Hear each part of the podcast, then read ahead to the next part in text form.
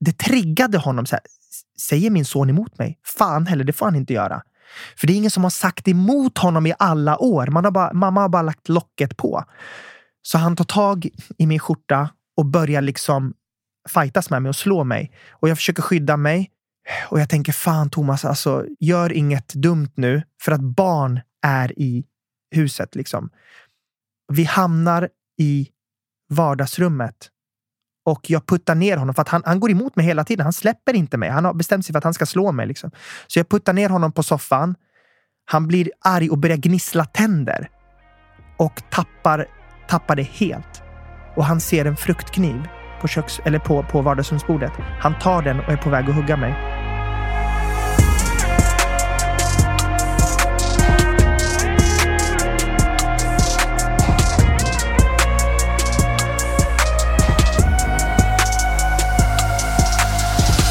Ja, då vill jag önska alla lyssnare varmt välkomna till ännu ett avsnitt av Hedén med Boman och Granander, en beroendepodd. Mitt namn är Nemo Hedén och jag sitter här varje onsdag så länge ni vill ha mig helt enkelt och försöker sprida kunskap om beroende och medberoende. Jag försöker avstigmatisera så gott det går. Det känns som ett omöjligt uppdrag ibland, men eh, samtidigt känns det som min förbannade plikt att försöka gör det jag kan helt enkelt. Och jag försöker ja, sprida, sprida hopp helt enkelt med mina gäster här, med mina vänner på The House Rehab och ja, med er.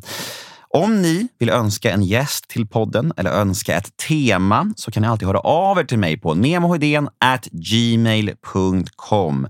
Det vore mys med lite feedback. Jag får mycket feedback, men om ni sitter på en drömgäst till exempel eller ett tema som ni tycker att vi har missat, ja, hör av er då för att eh, jag lyssnar gärna på era önskemål och eh, podden behöver ju alltid utvecklas och gå framåt. Så det är ju bara härligt om ni hör av er ännu mer. Veckans gäst kom jag i kontakt med eh, via Instagram och eh, ja, han eh, verkar sitta på en livshistoria från mörker till att brinna för ungefär samma saker som jag gör. Och på vägen har han dessutom hunnit eh, till final i Talang 2022. Idag jobbar han som förskollärare och eh, är dessutom väldigt aktiv i eh, Maskrosbarn som han ska få berätta om lite mer nu. Jag är väldigt spänd på att höra den här livshistorien och det är en ynnest att få höra alla dessa livshistorier. Det är verkligen fint och härligt och eh, ja, vi plockar in honom tycker jag. Välkommen Thomas Kaja. Tack snälla. Hej! Hej! Hur är läget? Jo, men det är bra. Väldigt tidigt. 9.00. Jag sa till dig innan att så här, du är barnfamilj, så att ni vaknar ju säkert fem, sex på morgonen. Ja. Eh, det är ju jag med, för jag jobbar i förskola. men eh, ja, så här, en, är det, det är väl en röd dag idag? Är det Ja. inte det? Annan dag påsk sitter vi här. Jag vaknar tidigt, men icke på röda dagar. Då vill jag sova. Men jag är så tacksam att få vara här och jag är så tacksam att ha blivit bjuden hit. Eh, Jag har en story att berätta, precis som du nämnde. Och jag har själv liksom vuxit upp i en missbrukarfamilj. Jag har aldrig missbrukat, men min pappa var och är fortfarande missbrukare. Min mamma är medberoende. Och som det är, det är väldigt klassiskt också, att när man växer upp i en missbrukarfamilj så är ju missbruket stannar inte vid den som missbrukar, utan det går ju vidare i hela familjen. Och jag blev också en medberoende omedvetet. Och att växa upp i det, ja, det, det finns så mycket att berätta. Ta det från början. Ja.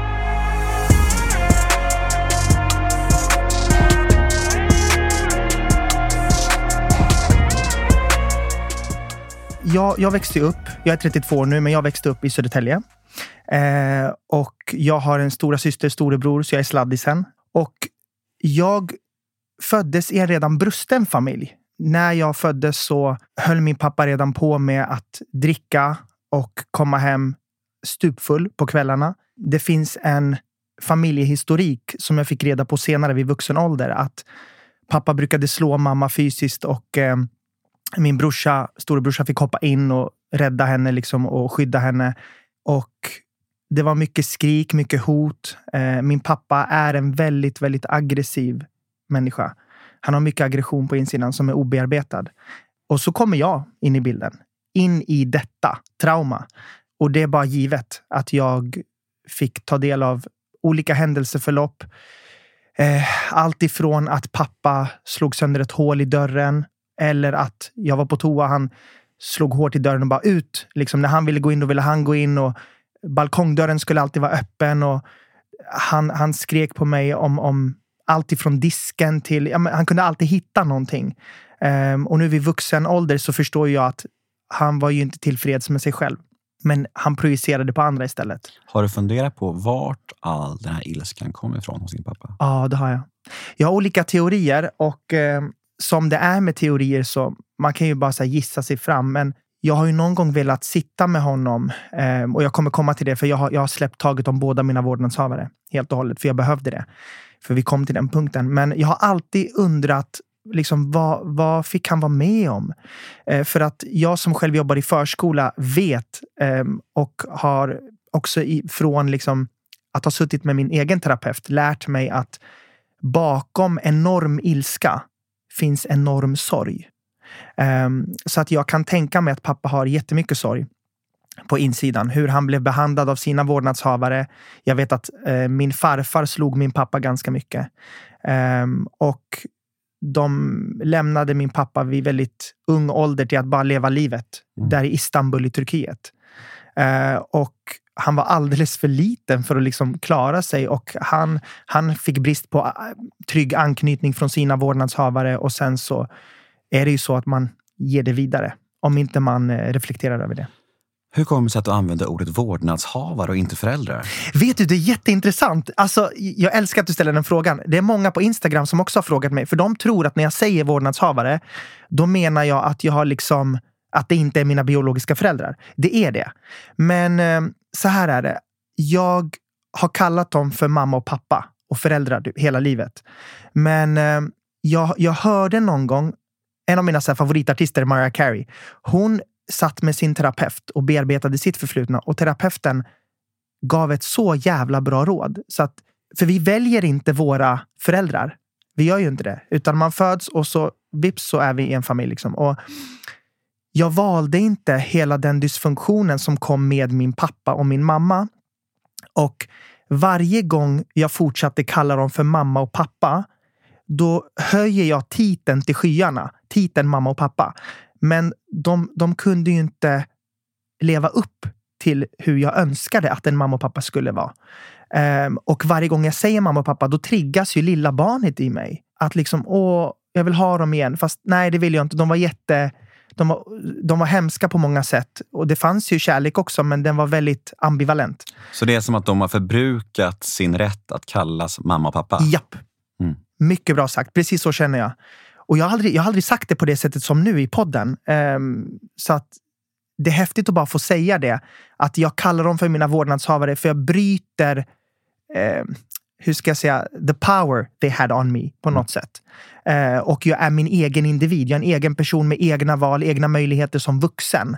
Eh, jag har fått kriga jättemycket för autonomi och självständighet. Så att det, det är nog varför jag kallar dem för vårdnadshavare och inte föräldrar. Mm. Um, för att nu är jag vuxen. Jag kan själv avgöra hur mitt liv ska vara. Men för att gå tillbaka till liksom uppväxten så min pappa kunde komma hem. Ja, du märker jag säger pappa. men det är, det är svårt det där. Ibland vill jag kalla dem för vårdnadshavare, ibland säger jag pappa. Men det är också för att eh, lättare förklara för den som lyssnar. Um, pappa kunde komma hem sent på kvällen från kaféet. Han hade suttit där med sitt gäng och så hade de supit sig fulla och spelat kort och så kommer han hem och bara trillar på golvet.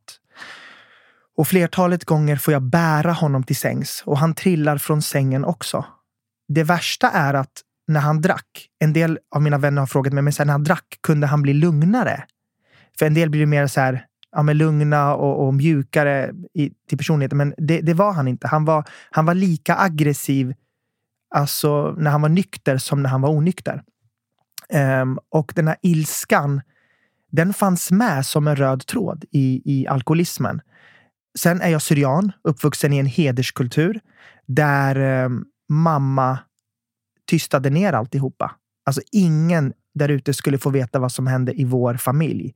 Det var som en hemlighet och hon, hon lärde hon signalerade till mig, egentligen med kroppsspråk i handlingar och ord, att det här är något vi håller för oss själva. Eh, och det gör ju det också svårare att få hjälp. För att många brukar fråga mig, fanns det ingen runt omkring dig som, som liksom kunde stötta oss här? Det fanns ju mängder med folk. Det fanns ju lärare i gymnasiet, i, i mellanstadiet, lågstadiet, det fanns vänner. Men jag var ju medberoende, blev ju det. Så att jag, jag levde i en tystnadskultur och då blev jag också tyst av det. Eh, I det sammanhanget. Man blir, ja, man blir som man blir lärd helt enkelt man blir så otroligt formad också att man liksom tappar begreppet om vad som är normalt och inte normalt. Exakt. Det är, det är verkligen så. Om båda mina föräldrar säger att någonting är normalt och jag går liksom i mellanstadiet, vad fan ska jag tro? Liksom? Ja, ja. Det, det är ju de som lär en. Liksom. Exakt. Alltså folk kunde... Äh, alltså folk, om, om någon hade kommit in i den hemmiljön jag växte upp i så hade, och de hade något sunt att liksom jämföra det med. Då hade de sagt, vänta lite, det här är jätteskumt. Så här, det här är dysfunktionellt, det här är traumatiskt, så här ska inte du behöva leva. Liksom. Um, men det fanns ju inte, alltså, jag hade inget att jämföra med. Det här var mitt normala. Pappas enormt höga skrik, uh, mammas tystnadskultur, hederskultur. Mamma kunde ofta säga så här, uh, jag kunde säga till henne, men kan inte du släppa honom? Kan inte du skilja dig? Och så kunde hon säga, nej, vad ska folk säga? Vad ska folk säga? Nej, nej, nej, Thomas, det går inte. Så att eh, jag tror också mammas bakgrund och pappas bakgrund, alltså det var ju ett recept för disaster. Och eh, ja, det växte jag upp i.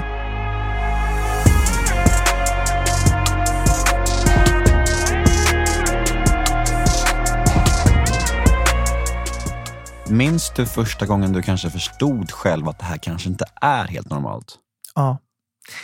Eh, när jag var 17, då var jag så jävla trött på pappas och mi mina bråk och att han drack hela tiden. Och den där flaskan som alltid fanns vid bordet av Raki eh, brukade han dricka och whisky också. Och jag valde att rymma hemifrån. Jag var 17 år. Jag kommer inte ihåg alltså, hur jag fick modet till mig att bara liksom, jag måste gitta härifrån. Jag klarar inte av att bo här.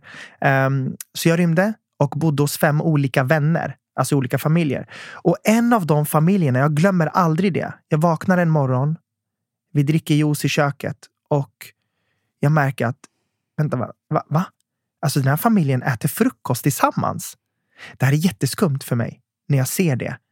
Eh, för att vi, vi åt ju också ibland frukost med varandra, men det var alltid bråk. Och de var så fina mot varandra och pappan i huset kramade om sin dotter, sin son och jag bara shit, jag har aldrig fått en kram av min pappa. Och då fick jag någonting att jämföra med och det var så, alltså det triggade skiten ur mig att se det där. För att jag, jag blev ju så ledsen, jag blev så arg. Hur kan de ha så här jävla mycket kärlek i den här familjen och jag fick ingenting? Så det var första gången som jag insåg att det jag har inte är bra. Men jag hade inte riktigt kunskapen om hur, vad det innebär att vara medberoende eller missbruk. Eh, det kom längre fram när jag började jobba i förskola och när jag studerade till förskollärare i högskolan. Vi, prat, vi, vi pratade om anknytning, anknytningsteorier och att du kan växa upp med en trygg anknytning, trygg, am, otrygg ambivalent, eh, otrygg desorganiserad. Otrygg undvikande. Undvikande. Mm. Ja, den, den, har inte ens jag en aning om, det måste jag läsa. men men, men eh, jag måste bara stoppa dig lite där. Ja. För, det, för det är så jävla intressant det där med att du nämner att du är 17 när du verkligen för första gången känner så här, det här är inte normalt, det jag lever i. Yes. Och jag var också någonstans i liksom mitten, senare i tonåren, då, då, när jag faktiskt förstod att jag, det jag växte upp i var liksom inte normalt. Att det, var liksom, det är dysfunktionellt, det här är destruktivt, mm. här, så här ska det inte vara. Liksom. Mm. Och det är väldigt sent Alltså otroligt sent. Fatta, alltså egentligen borde man ju fatta långt tidigare, men, men man har ju ingen aning som du säger. Mm. Och Det är det mm. som är så jävla sorgligt. Hur många barn som går runt där ute och är liksom 10, 11, 12, 13, 14 år och bara så här formas, formas, formas och får ingen trygghet och bara säger ah, men det är nog eh, normalt. Och då, då, då, och då får man ju det här jag kanske inte är värd bättre. Och liksom så här, mm, det, det, mm. Vet, allt det här kommer liksom på köpet, den här pissiga självkänslan och allt sånt där. Ja. Och, och, och, för, och, så ska, ska, det liksom till att man blir nästan vuxen innan man fattar att fan, det här är ju liksom inte som det ska vara. Liksom. Exakt.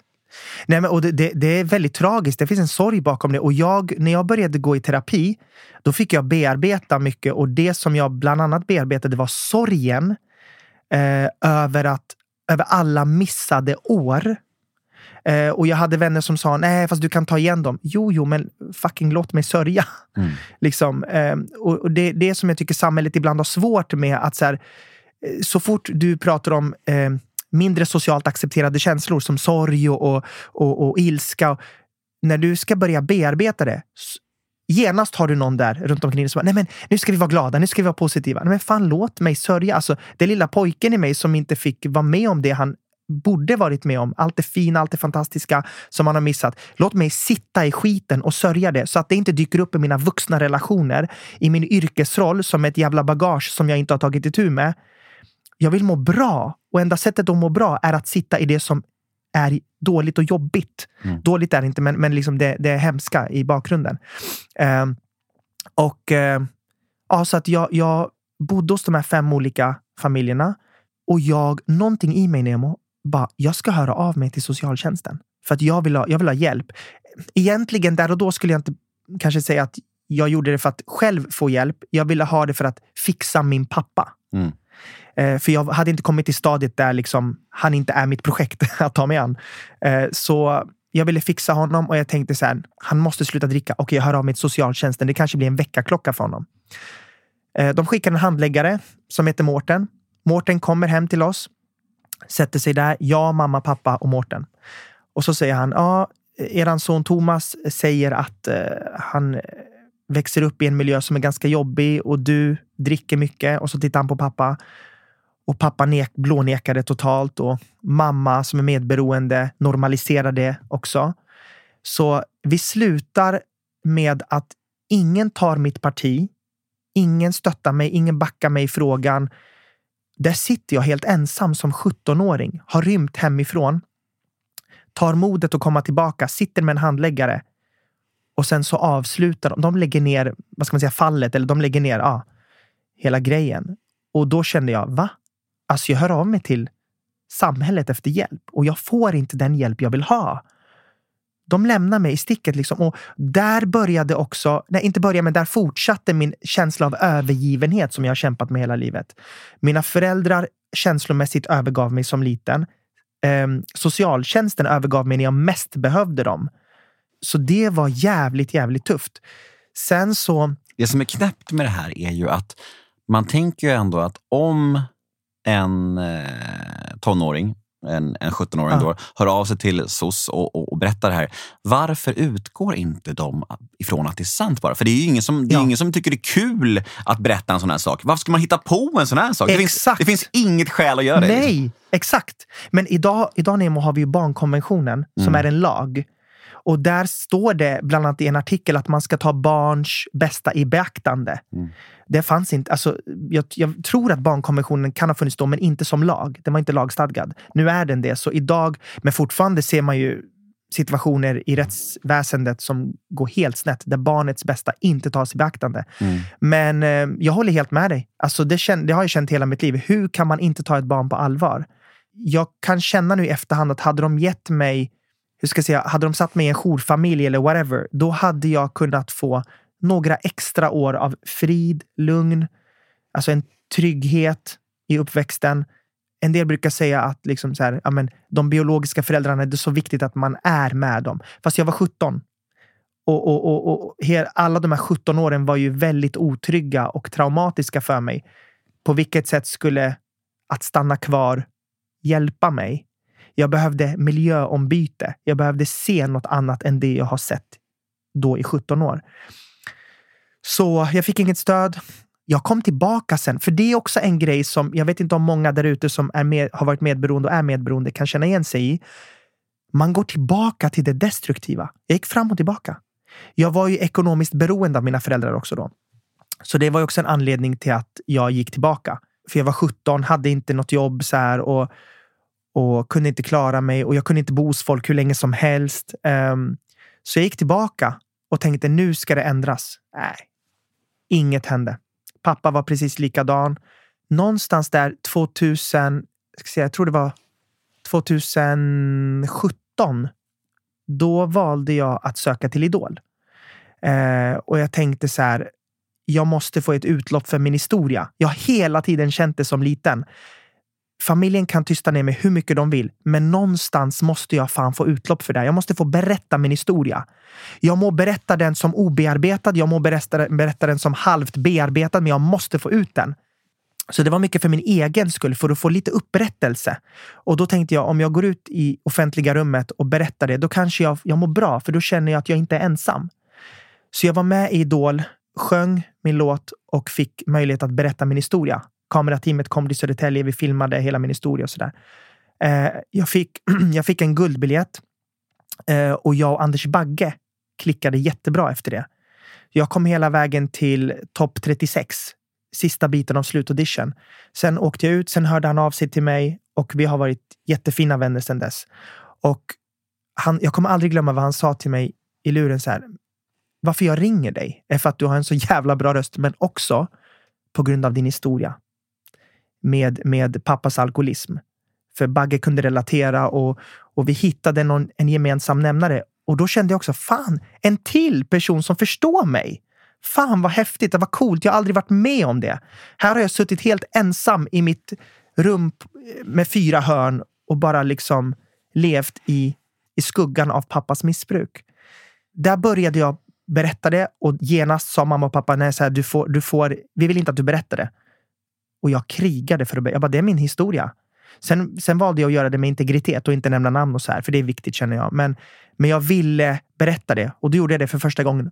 Och så jävla många människor i Sverige hörde av sig till mig på Insta och bara vi grät framför tvn. Tack för att du berättade det här. Jag, jag har också haft en destruktiv pojkvän, flickvän, eh, pappa, morfar, whatever. Liksom. Och då slog det mig, shit, jag är inte ensam. Sen så 2014, där någonstans också hade jag hittat en egen lägenhet, fick jobb och så vidare. Sen, kom, sen gick jag tillbaka igen till den destruktiva hemmiljön. För att jag tror, jag har pratat lite med min terapeut och jag tror att det har att göra med att allt det sunda utanför hemmiljön var så jävla läskigt. Så att jag, jag, jag vågade inte. Det, det, var, det var för bra för att vara sant. Ska inte någon skrika på mig? Ska inte någon trycka ner mig? Ska inte någon slå mig? Ska inte... Liksom, du vet. Och så, och så fick man ett självskadebeteende också av det här att man tryckte ner sig själv. När pappas röst slutade, ja, där tog min över och jag började trycka ner mig själv. Så att jag hade enorma problem med självkänsla, självförtro. Nej, självförtroendet hade jag inga problem med. Jag har alltid liksom vågat stå på en scen och blow, blow the roof down. Liksom. Men självkänslan, för, för mig självkänsla är, alltså självförtroende är att mina prestationer duger. Men självkänsla är att jag duger även om mina prestationer inte alltid duger. Det är självkänsla för mig. Um, och det hade jag. Jag hade väldigt lite av det.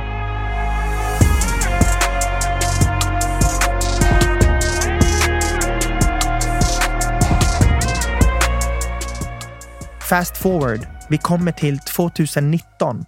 Jag bor nu hemma hos föräldrarna. Min eh, systers barn och brorsas barn är samlade hos oss. Jag sitter med dem i köket, vi kollar på Mello. Käkar lite chips, käkar lite popcorn, skrattar, har kul tillsammans och min syster ropar från vardagsrummet till sin dotter. Ta på dig jackan! Vi, måste, vi ska gå hem nu. Så här. Och min syster har anammat det här aggressiva sättet att prata från pappa. Och hennes dotter svarar inte, för hon vill så gärna, hon, är nio, hon var nio år. Hon ville bara vara kvar med oss och kolla på tv. Min pappa kommer in till köket, kastar något i papperskorgen, vänder sig om och skriker på den här nioåriga flickan. När vi säger åt dig att ta på dig jackan, då fan ska du ta på dig jackan! Och jag sitter med mobilen och för första gången kände jag, så här, jag, jag fick en flashback till alla gånger han har skrikit på mig och ingen tog mitt parti. Jag tänkte den här tjejen ska inte växa upp som jag. Jag är hennes liksom morbror. Jag ska ta hennes parti. Jag ska, jag ska, vis, jag ska liksom sätta ner foten och visa henne att jag finns här för dig när någon annan skriker på dig. Du ska inte bli bemött på det här respektlösa sättet. Liksom. Så för första gången konfronterar jag min pappa. Han hade skrikit och sen hann han gå till hallen. Jag går till hallen, lägger ner mobilen i min ficka och säger till honom, pappa, det där var absolut inte okej. Okay. Jag vill att du ber henne om ursäkt. Det är inte okej okay att skrika på någon på det där sättet, allra minst på ett barn. Och du vet, att säga så till en syrianpappa. Oh, det är shahata, det är toffla. Alltså, tofflan kommer. Det, det, var, det var, han blev så... Det triggade honom. Så här, Säger min son emot mig? Fan heller, det får han inte göra. För det är ingen som har sagt emot honom i alla år. Man har bara, mamma har bara lagt locket på. Så han tar tag i min skjorta och börjar liksom fightas med mig och slå mig. Och jag försöker skydda mig. Och jag tänker, fan Thomas, alltså, gör, inget, gör inget dumt nu för att barn är i huset. Liksom. Vi hamnar i vardagsrummet och jag puttar ner honom för att han, han går emot mig hela tiden. Han släpper inte mig. Han har bestämt sig för att han ska slå mig. Liksom. Så jag puttar ner honom på soffan. Han blir arg och börjar gnissla tänder och tappar, tappar det helt. Och han ser en fruktkniv på, köks, eller på, på vardagsrumsbordet. Han tar den och är på väg att hugga mig. Och eh, alltså hela min värld bara stannade. Det var som att tiden bara stannade. Och jag kommer bara ihåg att så här, jag visste inte vad jag skulle göra. Jag kan inte, vad ska jag göra? Så mamma skriker nej! Och så tar hon den ifrån hans hand. Och han, han, han skakade väl så mycket så han kunde inte hålla hårt i kniven, så hon tar bort den. Och eh, han skriker ta bort den här jävla odågan härifrån. Du ska ut! skrek han till mig. Och jag, eh, jag bara skit i honom nu Thomas. Skit i honom. Gå till barnen. Jag går till barnen. De har gömt sig under ett täcke i, so i mammas och pappas sovrum för de är så rädda för att se allt detta. Jag kramar dem, pussar dem, säger det kommer bli bra. Det är ingen fara. Liksom. Jag finns här. Pappa är kvar i vardagsrummet. Och det här är det sjuka. Det här är så dysfunktionellt som det bara kan bli. Istället för att ringa polisen eller anmäla så tar mamma pappa och hon sätter honom på en madrass i vardagsrummet, släcker lampan och bara så, så sov nu, Shh, sov nu. Min syster kommer till oss, mig och barnen och säger till sin dotter varför lyssnar du inte på morfar när han säger åt dig att ta på dig jackan? Och jag bara, alltså Nemo, det där triggade mig så jävla grovt. Ta, det är ingen som tar flickans parti heller. Vad fan är det som händer? Du vet så här. Men nu fattar jag att syrran var ju så jävla medberoende så att det är bara, ja, det är helt sjukt. Eh, mamma kommer sen, Tittar på mig och säger så här med sån skamfull blick, alltså så här, att hon, hon skäms för mig och säger Thomas, vad har du gjort nu? Kolla vad, kolla vad du har gjort. Och då blir jag svarta fåret för att jag reagerade. Och alla år har hon försökt se till att bara dämpa allt, dämpa allt, dämpa allt. Ingen ska, få, ingen ska bli arg nu. Så nu ska vi, hon lärde mig, jag lärde mig i den här miljön att trippa på tå. Och mamma lärde mig att vara grovt tolerant mot saker man inte bör vara tolerant med. Det har jag jobbat enormt mycket med. Gränssättning. Pappa suddade alla hennes gränser. Och eh, den kvällen så skrev jag till brorsan, kan du komma? Liksom, barnen behöver dig. Han var ute, så han kom tillbaka. Mam, jag fick reda på senare, mamma hade inte berättat för honom att pappa hade gått runt med en kniv och liksom försökt eh, knivhota mig. För att hon visste att brorsan skulle bli bananas för att barnen var där. Så hon, berätt, hon ljög för honom och berättade inte hela sanningen. Och sen så, va, jag sover. Brorsan och, och, så, och barnen sover där hos oss och eh, syrran går med sina barn hem. Jag vaknar nästa morgon och eh, min mamma säger så här. Alltså, vad gör du här? Vi vill inte ha dig här. Vad gör du här? Jag bara, sa min mamma det precis? Alltså, går hon emot alla modersinstinkter som finns och bara så här, väljer sin man som har gjort det här precis före mig? Så där bestämde jag mig, Nemo. Nu ska jag dra och jag kommer aldrig komma tillbaka igen. Annars kommer jag inte få ett, ett sunt liv. Jag kan inte försöka bli frisk och bo bland sjuka. Det går inte. Det går inte. Vill jag bli frisk, då måste jag ha ett miljöombyte. Så jag packade hälften av mina grejer och eh, ringde en vän. Hon hämtade mig och jag bodde hos dem i Södertälje hamn. Hela 2019 flyttade jag typ 6-7 gånger. Skatteverket måste ha typ älskat mig och adressändra hela tiden. Och det var så otryggt att hela tiden byta anställning, byta eh, boende. Tills jag slutligen nu då i, bor i Järfälla och senaste två åren har fått liksom stadga mig och bara lägga ner rötterna någonstans. Har ett boende, har en stabil, stabilt jobb, fast tjänst och har liksom jobbat igenom ganska mycket trauman med min terapeut. Men, men knivhotet från pappa, det var där. Det är så tragiskt att det behövdes, men det behövdes för att jag skulle vakna upp och bara, jag måste gitta. Jag kan inte vara kvar här. Mm.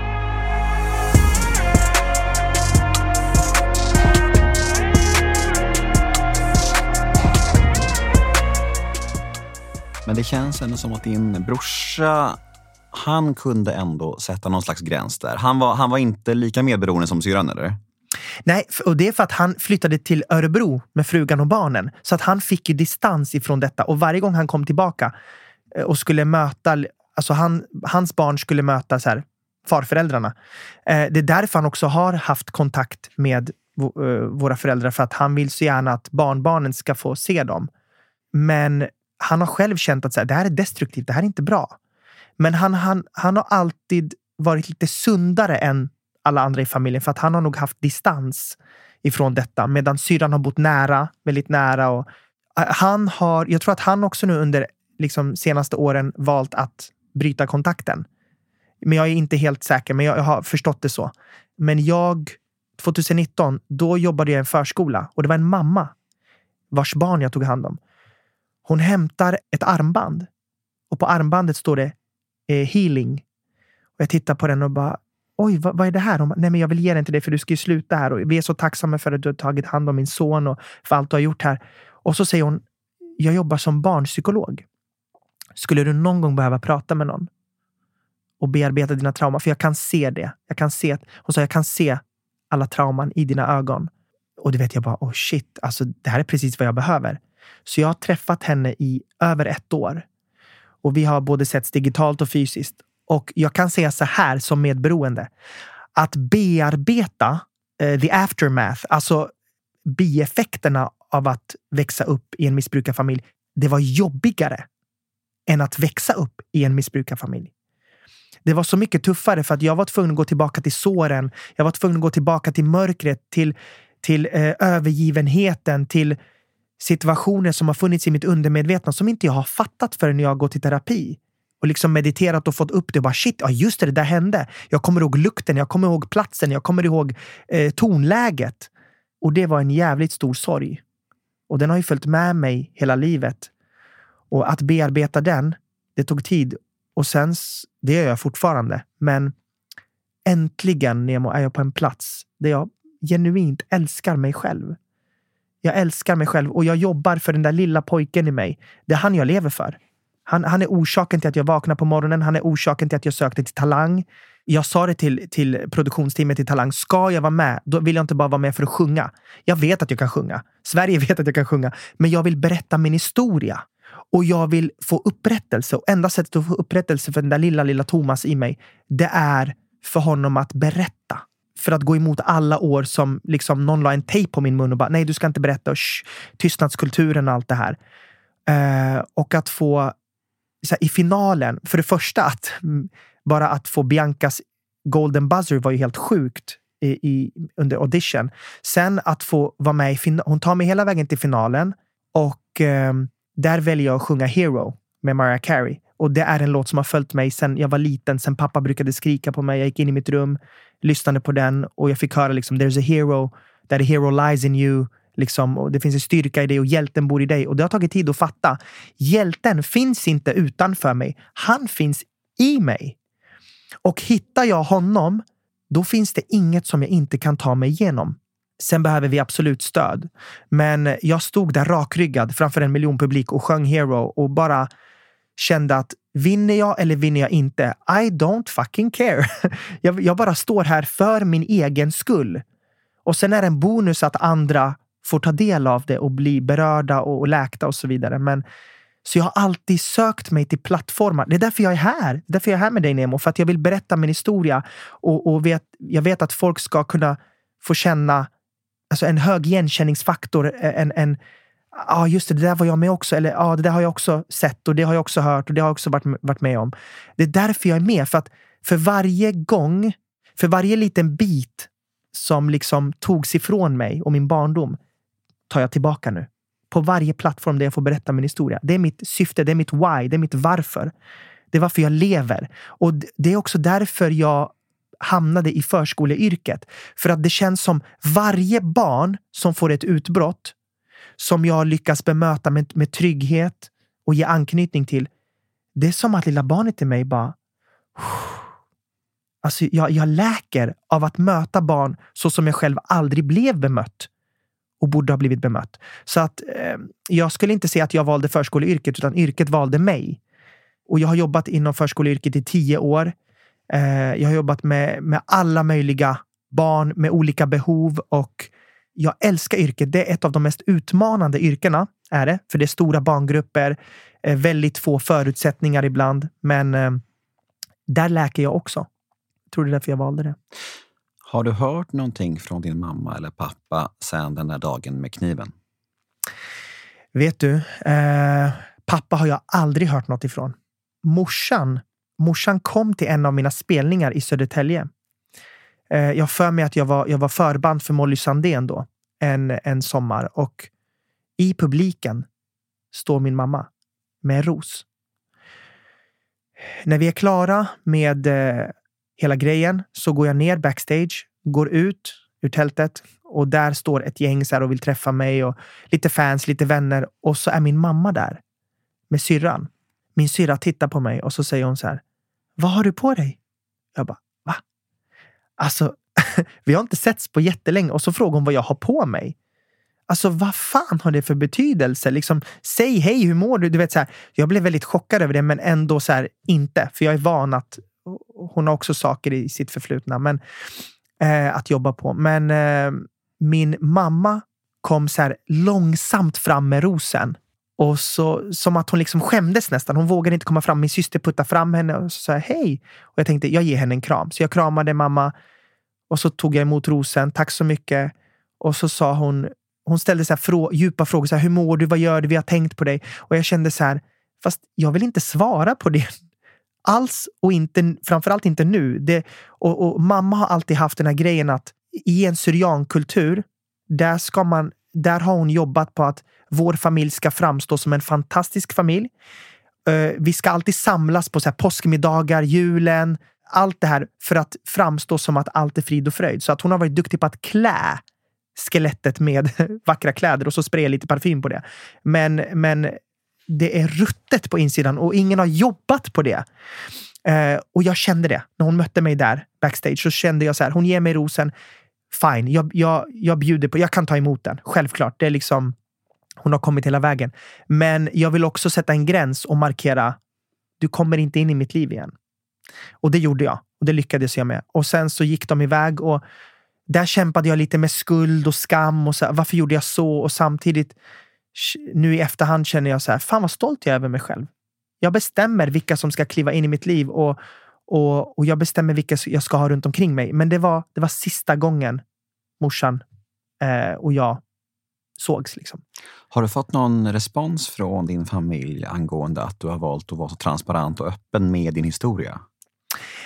Um, jag har fått lite bakslag, men det är inget som har här, påverkat mig överhuvudtaget. Jag är, jag är på en annan plats i livet. Men jag vet att syrran eh, hörde av sig till en gammal barndomsvän till mig. Jag, jag delade någonting kring min historia på story och så min barndomsvän. Och det var så tragiskt, men också det var välbehövligt för att min barndomsvän, hon såg min story och skrev ah, Thomas, jag kommer ihåg när vi var små. Vi knackade på din dörr och vi hörde din pappa skrika på dig så vi sprang därifrån. Och jag började storböla och jag skickade en sån video till henne när jag bölar. Hon skickar tillbaka när hon bölar och så började vi bara böla. Men det var så, det var så läkande för jag bara kände shit, alltså här är en barndomsvän som faktiskt bekräftar min historia som alla andra, som socialtjänsten inte tog parti för, som ingen ville lyssna på. Så det var så häftigt det där. Och min syrra hörde av sig till henne och sa, hörru, du ska sluta lägga upp, dela saker som Thomas lägger upp. Han, all, alla i Södertälje vet att han ljuger. Och, bara, och hon berättade det här för mig, att syrran hade gjort det. Och jag tänkte så här, du, vi lever i 2022. Det finns något som heter blocka. Kör, kör blockknappen för att nu, du vet, och, men jag reflekterade över det. Så här, vad är det som gör att min syster går så långt att hon börjar tala illa om mig och, och säger att jag svartmålar familjen? Ja, men det är ju hederskultur. Den är så starkt förankrad i familjen. Så att när Thomas Kaja går emot detta det skapar ju rabalder i familjen. Så här, va? Han försöker svartmåla. De kan inte se att, vänta nu, han säger att pappa var alkoholist. Ja, det var han. Eh, mamma var medberoende. Ja, det var hon. Det var dysfunktionellt. Ja, så var det. Nej, för de är inte där. Jag har kommit en så lång bit på vägen i att medvetandegöra så här, vad har jag varit med om? Men de är inte där. Och jag kan inte anklaga dem för det, utan jag, jag har bara känt att jag har känt mig trygg i min ståndpunkt i att jag, får, jag vill berätta min story och nu så faktiskt, jag fick ett mejl från Maskrosbarn, organisationen som jag jobbar för. Dels är jag så glad över att jag får jobba med ungdomar som kommer från likadana hemmiljöer och jag kan så här, flera år senare bara jag finns här för dig. Vill du ha råd? Vill du ha ett lyssnande öra? I'm here. Liksom. Men sen så fick jag ett mejl från Maskrosbarn att de vill att jag ska föreläsa i gymnasier och, och skolor. Och jag blev så glad. För jag har länge velat det. För att den historien som jag har haft inombords. Vi, vi, vi har alla en historia att berätta. Och det är viktigt att inte dö med den begravd, liksom, utan att den har fått komma ut. Den måste få komma ut. Så finns det någon lyssnare som lyssnar så vill jag verkligen bara poängtera och understryka. Har du en historia, berätta den när du känner att du är redo. Liksom, berätta den, dela med dig. Vi behöver mer transparens i samhället. Vi behöver mer ärlighet, genuina, äkta människor som bara visar sina sår. Det här är mina sår, så här ser de ut. Eh, jag tar bort plåstren. Varsågod, kliv in liksom. Mm. Vi behöver det här. Och pojken i mig behöver det det mina, mina låtar som artist, när jag skriver låtar idag, de, de handlar mindre om hjärtesorg. De handlar mer om så här, lilla barnet i mig. Jag märker det hur jag, hur jag skriver låtar till honom. Förut var det så här, till publiken som låtskrivare och sen var det så här, till någon och sen är det om någon, men nu är det till mig. Jag märker hur mitt låtskriveri har blivit annorlunda. Det har en annan process nu.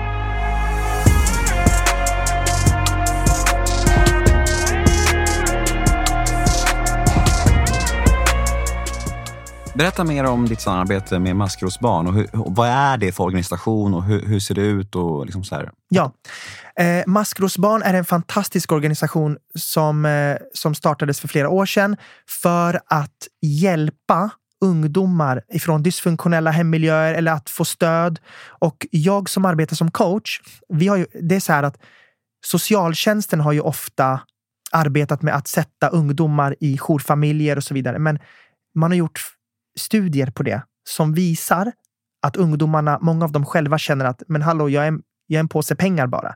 Ni, ni ger mig en jourfamilj, men jag får ingen riktig så här storebror eller stora syster att hänga med, utan eh, familjen får pengar för mig och här sitter jag liksom och känner det känns inte bra. Så då bestämde Maskros, Maskrosbarn klev in och bara, hej socialtjänsten, vi har en idé. Vi vill utbilda coacher som kliver in och agerar syskon och liksom, eh, ja, som en coach för ungdomarna. Där man en gång varje vecka träffas i två timmar. Eh, en vecka hänger man, hittar på aktiviteter, lär känna varandra. Andra veckan så går man igenom så här, uppgifter, till exempel att hjälpa barnet att, eller ungdomen att förstå så här, kring barnkonventionen, vilka rättigheter du har i samhället. Jag växte inte upp med att förstå de rättigheterna, men när man liksom får veta det, då man går mer rakryggad och man vet vad, vad man har att tillgå. Och jag har två ungdomar som jag träffar och de är helt fantastiska. Alltså, att få investera i dem betyder allt för mig. Och, eh, så det är i princip det som Maskrosbarn gör. De, de, man går runt och föreläser om missbruk, om, om medberoende. Allt för att liksom bara belysa ämnet i mm. samhället. Mm. Vi ska hugga tag i segmentet The House svarar där jag, Felix och Robert svarar på en lyssnarfråga.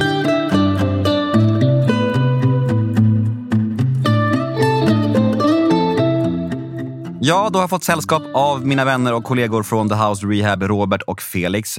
Välkomna tillbaka grabbar. God dag. God dagens. God dagens, god dagens. Hur står det till idag? Råkas. Ja. Det är bra. Trevligt att råkas.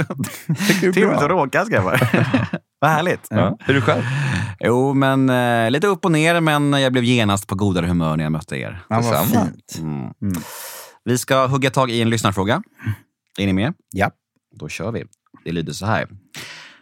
Trauma är ju väldigt på tapeten just nu när det kommer till beroendefrågor. Tror ni att alla beroenden och missbruk härstammar från trauman och sådana där inre sår? Det finns viss forskning som, som pekar mot det.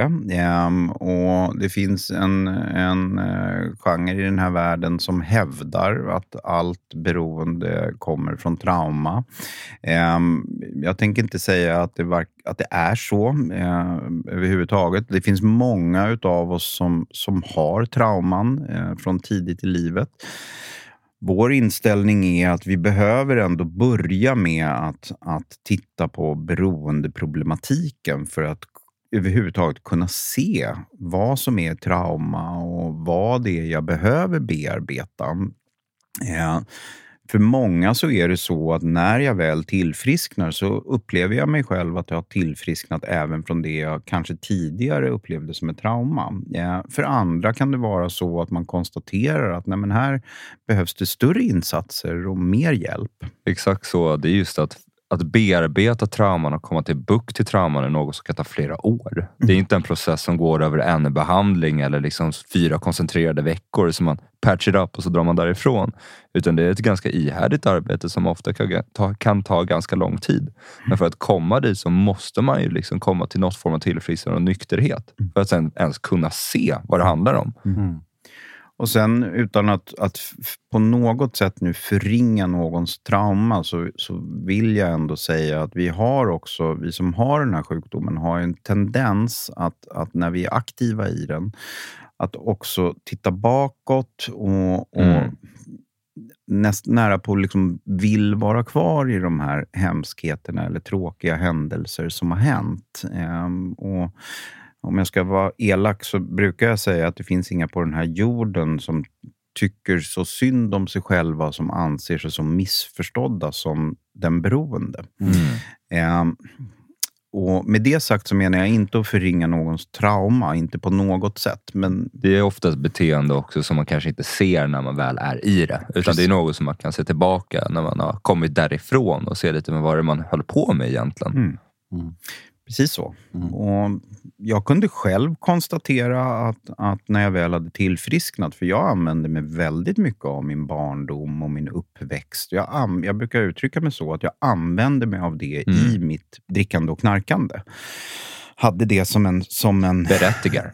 Ja, det berättigade. Ingen förstår mig, hur jag har haft det och om folk bara visste och, och så vidare. och så vidare. När jag väl hade tillfrisknat, och det här var inte från dag ett, utan det här tog, tog sin tid, så kunde jag konstatera att nej, men det här var ju ett, ett ganska mycket ett gottande mm. också mm. Mm. I, i de här trista händelserna. Och insåg plötsligt en dag, faktiskt under, under en föreläsning, när jag fick den frågan, eh, om jag hade haft en bra eller en dålig barndom. Jag minns inte exakt hur den var formulerad. Eh, där jag spontant svarade att nej, jag hade faktiskt en jättefin barndom. Och, och det kändes så. Och insåg där och då på scenen att men shit, jag står här och faktiskt har jag börjat välja att se de sakerna som var bra. För visst sjutton hände det en himla massa trista saker, men, men det hände också oerhört mycket bra saker. Plötsligt hade jag valt att se de fina mm. sakerna. Mm.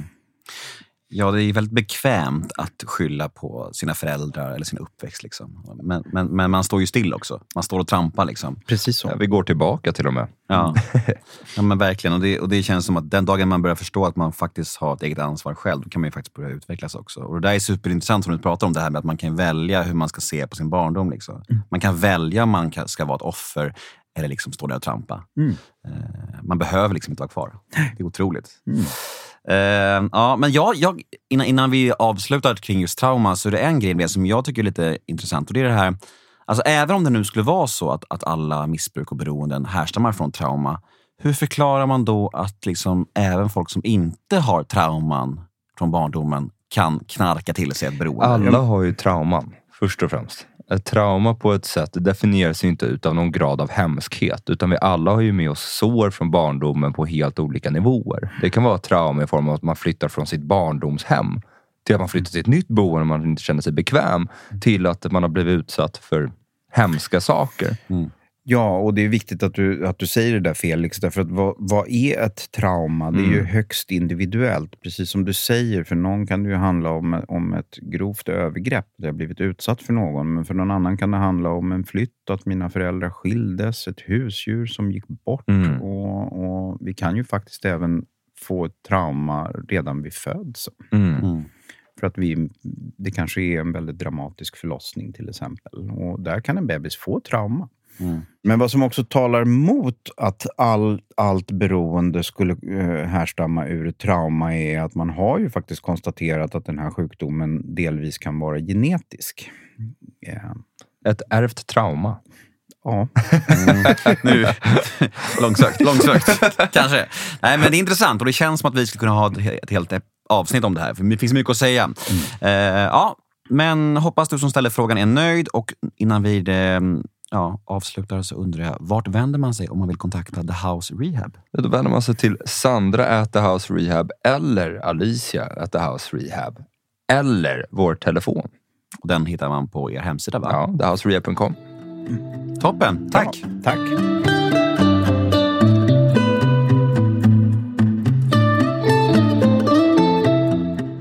Tack Robert, tack Felix och tack du som ställde frågan. Hoppas du är nöjd med ditt svar. Jag sitter här med Thomas Kaja. Vi har hört hans livshistoria och eh, ja, det var en riktig berg och Det var väldigt eh, det var fint och det var gripande och det, det känns som att du är på en bra plats nu.